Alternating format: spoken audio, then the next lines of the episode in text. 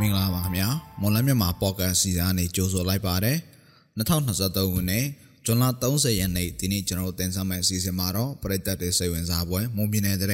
ပြည်ရင်းသတင်းနဲ့အာဆီယံသတင်းသတင်းပေးပို့ချက်ပြည်သူတွေသိထားတဲ့နေ့စဉ်ကုန်စည်တော်သတင်းချို့တွေကိုအစီအစဉ်ပထမပိုင်းမှာရွေးချယ်တင်ပြပေးသွားမှာဖြစ်ပါတယ်ဒါအပြင်တိုက်ပွဲတွေပြင်းထန်လာမှာကိုရေးဒေတာခန့်နေစိုးရနေကြတဲ့ဆိုသတင်းပေးပို့ချက်ကိုလည်းတင်ဆက်ပေးပါဦးမယ်ဟောပါဒီနေ့အစီအစဉ်မှုကတော့ ကျွန်တော်အာကာတာဝန်ယူတင်ဆက်ပေးသွားမှာပါ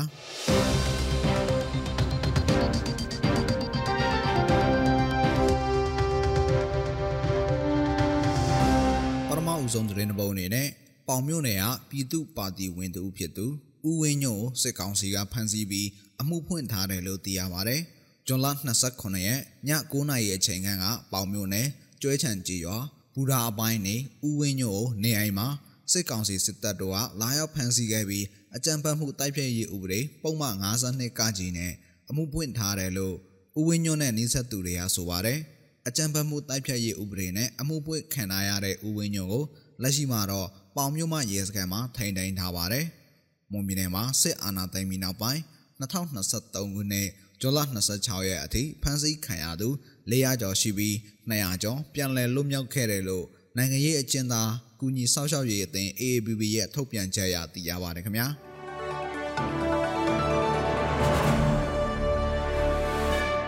နောက်ထပ်သတင်းပေါ်အနေနဲ့ရေးမြို့နယ်ကိုမိုင်ကြီးရွာအနီးရေးတဝဲကားလမ်းမှာမနေ့ညနေ3နာရီခွဲအချိန်ခန့်ကကုန်တင်ကားတစ်စီးမီးလောင်ကျွမ်းမှုဖြစ်ပွားခဲ့တယ်လို့ လူမှုကယ်ဆယ်ရေးအဖွဲ့အနေသိရပါတယ်။ကျက်စာဝက်စာတွေတင်ဆောင်ထားပြီးရန်ကုန်ကနေတနင်္လာရီတိုင်းအောင်မောင်းနှင်လာတဲ့အဲ့ဒီကုန်တင်ကားဟာကိုမိုင်ကြီးရွာအနီးရေတဝဲကားလမ်းမလွဲတောင်အသက်73မိုင်မှာမီးလောင်ကျွမ်းမှုဖြစ်ပွားခဲ့တာပါ။ကုန်တင်ကားဆက်ချုံရင်းနေတာကိုပြင်ဆင်မှုပြုလုပ်နေစဉ်ဝါယာရှော့ဖြစ်ပြီးမီးလောင်ကျွမ်းမှုဖြစ်ပွားခဲ့တယ်လို့လည်းဆိုပါတယ်။ကုန်တင်ကားမီးလောင်ကျွမ်းမှုကြောင့်ကျက်စာဝက်စာအချို့မီးလောင်ကျွမ်းခဲ့ပြီးလူထိခိုက်မှုမရှိကြောင်း ရေးမြို့အခြေဆိုင်လူမှုကယ်ဆယ်ရေးအဖွဲ့တာဝန်ရှိသူတို့ကပြောပါတယ်ခင်ဗျာ။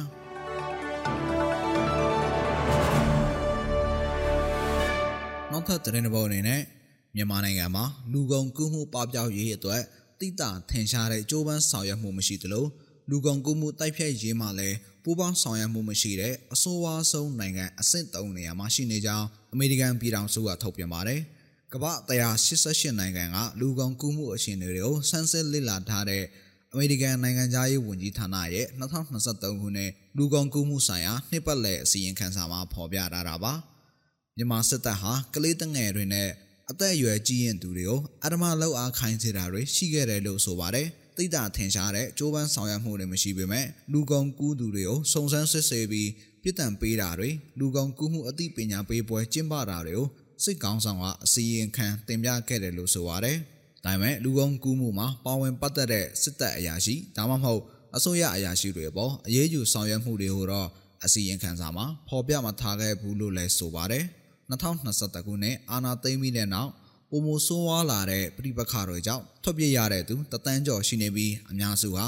လူကုန်ကူးခံရမယ့်အနေရနဲ့ရင်ဆိုင်နေရတယ်လို့ဆိုပါတယ်ခင်ဗျာ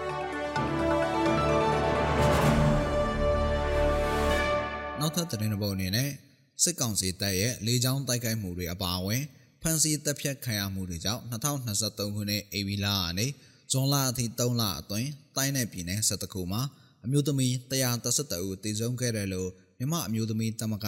BWU ကဇွန်လ28ရက်မှာထုတ်ပြန်ပါတယ်။စစ်ကောင်စီတပ်ရဲ့လေကြောင်းတိုက်ခိုက်မှုကြောင့်သေဆုံးသူဦးရေကအများဆုံးဖြစ်ပြီးလက်နက်ကြီးပေါက်ကွဲမှုဖမ်းဆီးခံရပြီးမှတပ်ဖြတ်ခံရမှုမီးရှို့တပ်ဖြတ်ခံရမှုနဲ့ ပြစ်တက်ခံရတဲ့သူတွေလည်းပါဝင်တယ်လို့ BWU ရဲ့အစည်းအဝေးမှာဖော်ပြပါတယ်။လက်နက်မကင်နာတဲ့မျိုးသမီးတွေကိုပြစ်မှတ်ထားတပ်ဖြတ်နေတာဟာလူသားချင်းစာနာစိတ်မရှိတဲ့အခြေအနေလို့သခိုင်းတိုင်းကန့်ဘလူးမြို့နယ်ကဒေသခံအမျိုးသမီးတူဦးကပြောပါတယ်။ဒီ၃လအတွင်းအမျိုးသမီး132ဦးကိုတပ်ဖြတ်တဲ့အပြင်နောက်ထပ်အမျိုးသမီး68ဦးကိုလည်းစစ်ကောင်စီတပ်ကဖမ်းဆီးခဲ့တယ်လို့ BWU ကပြောပါတယ်။ဒီထုတ်ပြန်ချက်နဲ့ပတ်သက်လို့စစ်ကောင်စီဘက်ကတစုံတရာတုတ်ပြန်လာတာမျိုးမတွေ့ရသေးပါဘူး။ အာနာသိန်းနှစ်နှစ်ကျော်အတွင်းမှာတော့နိုင်ငံတော်အမျိုးသမီး969ဦးတပ်ပြတ်ခံခဲ့ရပြီး3623ဦးဖမ်းဆီးခံရသလို983ဦးကတော့ပြည်တံတွေချမှတ်ခံရတယ်လို့မြမအမျိုးသမီးတပ်မက PWU ကထုတ်ပြန်ထားပါတယ်ခင်ဗျာ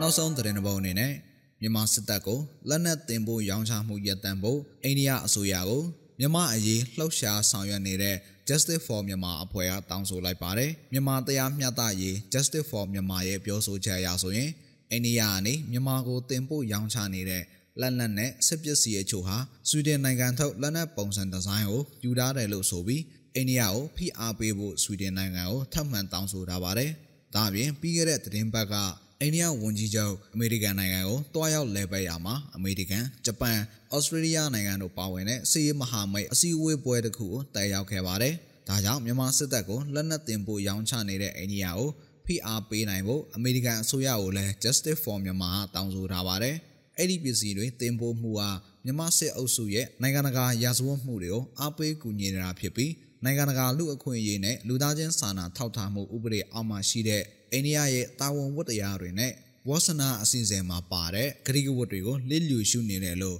Justice for Myanmar ကပြောပါတယ်ခင်ဗျာ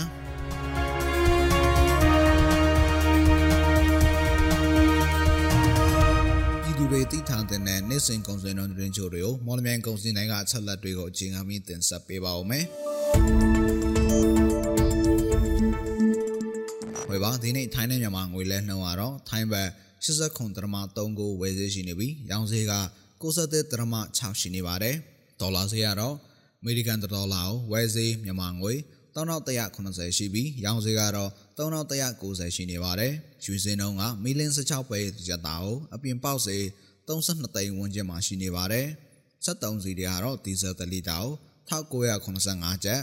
အောက်သိန်း62တလီတာ1990နဲ့95တလီတာကို2090ကျပ်အထိရှိနေတာပါ။ စံစင်းနှုန်းကတော့အကောင့်စားပေါ်ဆက်မွေ108ပေါင်အမြင့်ဆုံးကို86,500ကျပ်အလဲလက်တန်ဆန်မျိုးစားပေါ်ကျွဲ108ပေါင်အနိုင်ဆုံးကို99,500ကျပ်နဲ့အမထားဆန်နေရတော့108ပေါင်အနိုင်ဆုံးကို64,500ကျပ်နဲ့အမြင့်ဆုံးကို66,500ကျပ်အထိရှိနေတာပါ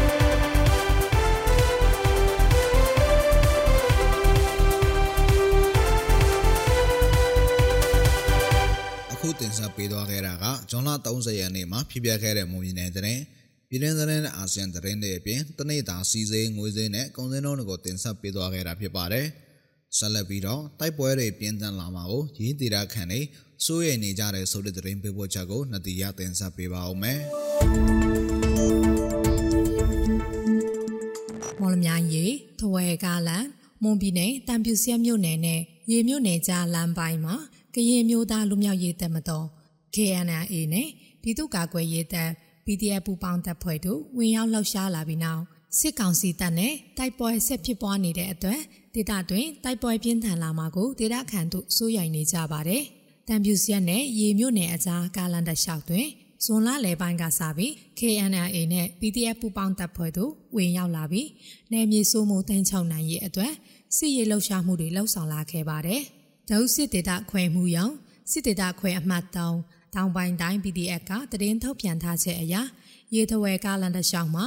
ဇွန်လ26ရက်နေ့မှ28ရက်နေ့အထိ3ရက်အတွင်းစစ်ကောင်စီတပ်နဲ့ KNLA PDF ပူးပေါင်းတပ်ဖွဲ့တို့တိုက်ပွဲ6ကြိမ်ဖြစ်ပွားခဲ့ပါတယ်။ KNLA နဲ့ PDF ပူးပေါင်းတပ်တို့ရေမြို့နယ်အတွင်းဝင်ရောက်လှုပ်ရှားလာပြီးနောက်တိုက်ပွဲပြင်းထန်လာမှာကို ဒေသခံပြည်သူလူထုများအကြားစိုးရိမ်နေကြတယ်လို့ရေပြုတ်ဒေသခံတူကပြောပါတယ်ဟိုဘက်ကတက်လှုပ်ရှားမှုတွေလည်းများလာတယ် PDF နဲ့ဒီ KNU ကဒီဘက်ကိုရေးဘက်ကိုအဲ့လိုမျိုးပေါ့နော်ထိုးဖောက်ဝင်လာတဲ့အခါအဲ့လိုချိန်တွေမှာတော့တိုက်ပွဲတွေကတော့ဖြစ်လာတယ်ပေါ့ဒါပေမဲ့ဒီဘက်ကတက်အနေထားနေရလဲကျွန်တော်ထင်တယ်သူတို့လည်းအဲ့တော့မထိန်ချုံနိုင်ဘူးတိုက်ပွဲတွေကဟိုဖြစ်တယ်ဆိုဆိုလည်းပဲကျန်တဲ့ဒေသလိုတော့မဟုတ်ဘူးပေါ့နော်ဒါပေမဲ့ရင်တော့ဒီမှာအေဂျင့်နေတဲ့နေရာဖြစ်တဲ့အခါကျတော့လူလူကတော့ ပြောမယ်ကြောက်နေတာပေါ့အဲဘောမျိုးတော့ရှိတော့ဘူးတံပြူစရက်နဲ့ရေထဝဲကားလန်တလျှောက်ကစစ်ကောင်စီတပ်နဲ့ KNNA PDF ပူပေါင်းတပ်တို့တိုက်ပွဲကြောင့်နှစ်ဖက်တိကကြဆုံမှုတွေရှိနေတဲ့အပြင်ခရီးသွားထိခိုက်ဒေဆုံးမှုတွေလည်းရှိနေပါတယ်။ KNRA PDF ပူပေါင်းတပ်တွေလှုပ်ရှားနေတဲ့တံပြူဆက်ရေထဝဲကားလန်တလျှောက်စစ်ကောင်စီတပ်တွေအင်အားတိုးချဲ့လာပါကတိုက်ပွဲကြီးတွေဖြစ်လာနိုင်တယ်လို့ကရင်ငញ្ချင်ရဲ့အထောက်အကူပြုကွန်ရက်မှာစောလီကဘောကပြောပါတယ်။တိုက် ပွဲကတော့ပုံမှန်လေးတွေဖြစ်နေတာပဲ။ဒါပေမဲ့စစ်ကောင်စီဘက်ကတော့အင်အားရှိတော့မတက်လာနိုင်ပါဘူး။ကအဲ့ဒီတန်ခါးဒီပါတွေကမထင်းချုံနိုင်တော့ပါဘူးရှိတာအဲ့ဘိုးတွေကတော့တိတိကျကျလေးတွေတော့ဟိုပုံမှန်တော့ဖြစ်လာနေတယ်ဒါပေမဲ့အချိန်ကတော့အဲစစ်ကောင်စီဘက်ကနေပြီးတော့မှဒီလိုမျိုးမှအင်အားကိုချက်လာလောက်နေတယ်တော့တက်ပွဲကြီးရတော့အချိန်ကြီးဖြစ်နိုင်လို့နေထားတယ် လက်ရှိအချိန်ထိ KNRA PDF ပူပေါင်းတပ်တို့လှုပ်ရှားနေတဲ့ရေထဝဲကားလန်တလျှောက်မှာစစ်ကောင်စီဘက်ကထိုးစစ်ဆင်တိုက်ခိုက်လာခြင်းမရှိသေးတဲ့အပေါ်စဉ်းစားစရာဖြစ်နေတယ်လို့အခြားရေမျိုးခံသူကတုံ့တက်ပြောဆိုပါတယ်။တက်ကလည်းသူလည်းသူကစားကွက်နဲ့သူလည်းသူရှိမှာဘာမှတော့ကျွန်တော်မသိဘူးတကယ်တမ်းကျတော့ဒီလိုအခြေအနေမျိုးဆိုတာဒီလမ်းမပေါ်မှာဒီလိုမျိုး ဟာလာဟိုနေမထင်းချုပ်တဲ့ ပုံစံမျိုး ဟိုဘက်ကလောက်လာတဲ့ဟာကို တကယ်တော့သူ့မှာ အင်အားရှိရင်တကယ်သူလောက်ချင်တဲ့နေရှိရင် သူထိုးစစ်ဆင်ဟိုကျွန်တော်ထင်တယ် အခုက သူကသူ AC ပဲ ထိုင်ကြည့်နေတဲ့ သဘောမျိုးဆိုတော့သူ့မှာ အင်အားမဲမရှိတာလား လက်ရှိမှာတော့ KNRA PDF ပူပေါင်းတပ်တို့ လှုပ်ရှားနေတဲ့တံပြူစရရေထဝဲကားလန်လက်လျှောက်မှာ မွန်ပြည်တိပါတီ NNSP လှုပ်ရှားသွားလာနေတဲ့ နယ်မြေလည်း ဖြစ်ပါတယ်ရှင်။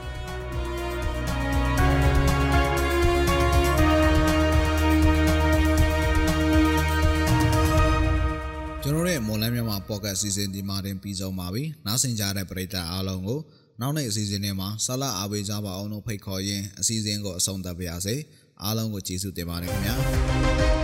။